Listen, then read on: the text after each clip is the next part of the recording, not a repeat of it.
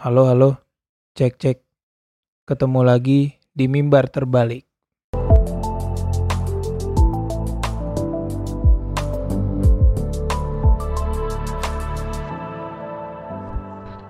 Kali ini aku ingin membuat refleksi singkat tentang Ayub.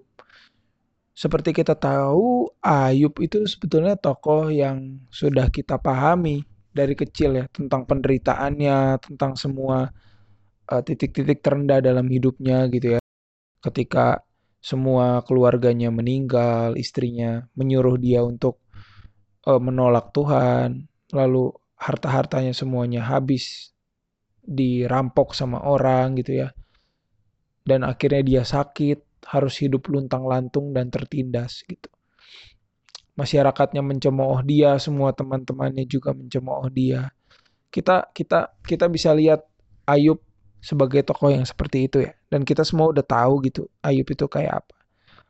Cuma yang bagiku menarik untuk kita baca hari ini adalah bagaimana Ayub bergumul dengan problem-problem teodesi. Bagaimana Ayub sebetulnya enggak enggak dalam tanda kutip ya, enggak enggak sekuat itu menjalani beban-bebannya.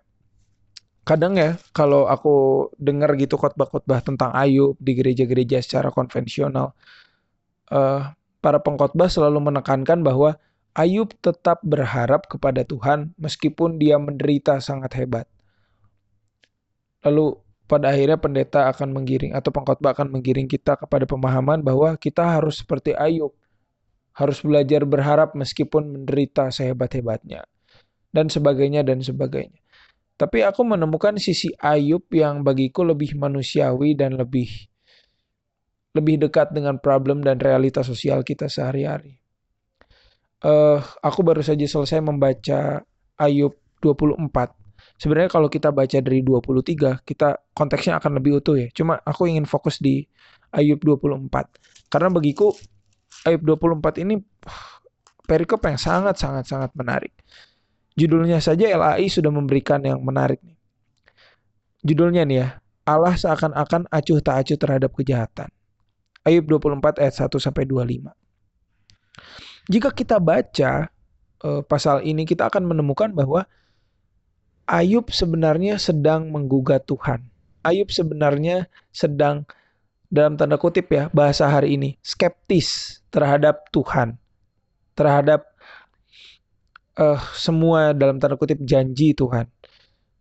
Karena apa?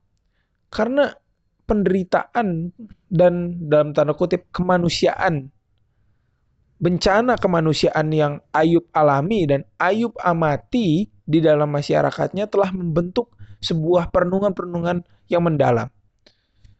Aku coba baca sebuah ayat yang bagiku inti dan kunci dari perikop ini ya.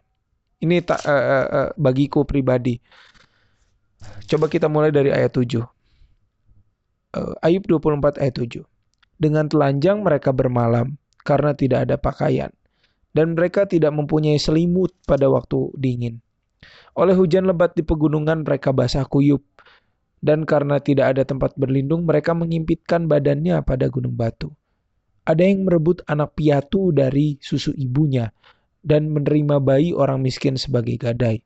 Dengan telanjang mereka berkeliaran karena tidak ada pakaian, dan dengan kelaparan mereka memikul berkas-berkas gandum. Di antara dua petak kebun mereka membuat minyak. Mereka menginjak-injak tempat pengirikan sambil kehausan. Ayat ke-12, dari dalam kota terdengar rintihan orang-orang yang hampir mati dan jeritan orang-orang yang menderita luka, tetapi Allah tidak mengindahkan doa mereka. Dari perikop ini kita bisa melihat bahwa Tuhan menyediakan ruang bagi Ayub atau bahkan bagi kita untuk merefleksikan kemanusiaan untuk melihat semua penderitaan sosial, semua ketimpangan, semua penindasan yang terjadi, dan membawa itu kepada Tuhan secara kritis. Bahwa Tuhan menyediakan ruang bagi kita untuk menggugat semua hal ini, semua realitas sosial yang kita lihat, dan hubungannya tentang posisi teologis Tuhan dalam semua ini. Kita berhak untuk me menyerahkan trauma-trauma kita, segala sesuatu yang melecehkan kita, luka-luka psikologis kita kepada Tuhan dan menggugat itu bahkan bertanya di manakah Tuhan atas semua luka yang kualami atas semua trauma yang kualami. Tuhan memberi kita ruang untuk itu. Terbukti dari kisah-kisah Ayub. Kalau kita baca mungkin pasal-pasal berikutnya atau pasal-pasal setelahnya kita akan melihat dialog antara Tuhan dan Ayub. Dialog tentang penderitaan, dialog tentang bagaimana menyikapi keadilan dan ketimpangan, bagaimana menyikapi trauma dan luka. Dan bagiku ini kebenaran yang sangat penting bagi kita untuk untuk menjalani kehidupan. Bahwa pada akhirnya kita adalah manusia biasa dan kita berhak berdialog dengan Tuhan. Bahkan menggugat atau bahkan lebih ekstrem lagi kita skeptis. Kita bertanya Tuhan di mana sih gitu. Tuhan di mana gitu dalam semua penderitaan ini, dalam semua ketimpangan. Dalam tanah para petani yang digusur, dalam tanah-tanah adat di Kalimantan yang digusur, dalam konflik yang terjadi di Papua sekarang, dalam kekerasan-kekerasan seksual yang semakin hari semakin meningkat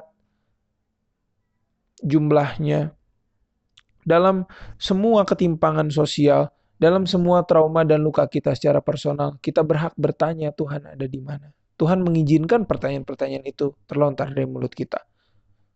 Karena seperti mengutip Jurgen Moltmann bahwa pada akhirnya teologi dibangun atas dialog antara kita sebagai manusia dan segala realitas sosialnya dan Tuhan sebagai tokoh yang maha kuasa itu sebagai pencipta kalik dan pencipta langit dan bumi gitu sebagai kalik pencipta langit dan bumi.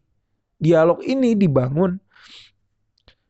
Dan inilah yang Ayub contohkan kepada kita bahwa hubungan kita kepada Tuhan dibangun juga atas dialog-dialog terhadap keresahan kita, luka, trauma, dan segala penindasan.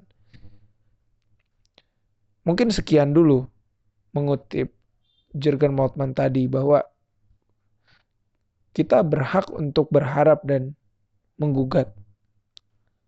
Melalui dialog-dialog itulah kita tumbuh. Iman kita tumbuh, pengharapan kita tumbuh. Sekian refleksi singkatnya tentang Ayub. Terima kasih.